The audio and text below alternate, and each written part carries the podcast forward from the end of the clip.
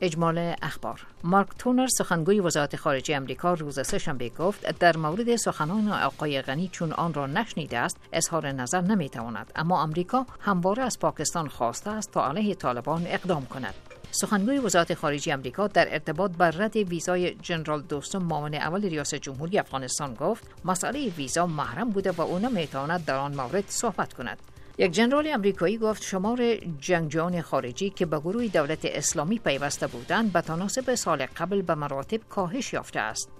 جنرال پیتر گرستن معاون فرماندهی عملیات مبارزه علیه داعش در عراق و سوریه گفت در واسط سال 2015 بین 1500 تا 2000 جنگجوی خارجی هر ماه داخل سوریه و عراق می شدند و اکنون که نیروهای ائتلاف علیه داعش می جنگند تخمین در حدود 200 جنگجو ماهانه از خارج به داعش می پیوندند.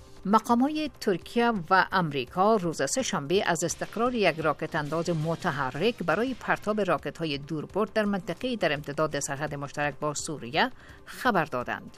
خبرگزاری اسوشیتد پرس به نقل از پیتر گرستن معاون فرماندهی عملیات مبارزه علیه داعش در عراق و سوریه گفت که این راکت انداز چهارمین راکت انداز است که به منطقه سوق می شود. یک گروه مرتبط به القاعده مسئولیت کشتن وحشیانه یک فعال حقوق امجنسگرایان و دوست او را در بنگلادش به عهده گرفته است. گروه انصار الاسلام در صفحه تویتر خود نوشته است که زوهاج منان و تانی مجمدار را به خاطر کشتند که آنها پیشگامان ترویج امجنسگرایی در بنگلادش بودند. و پلیس در جزیره کپوردی مستعمره سابق پرتغال در شمال افریقا جسد هشت سرباز و سه غیر نظامی را در یک قاقوش عسکری پیدا کرده است.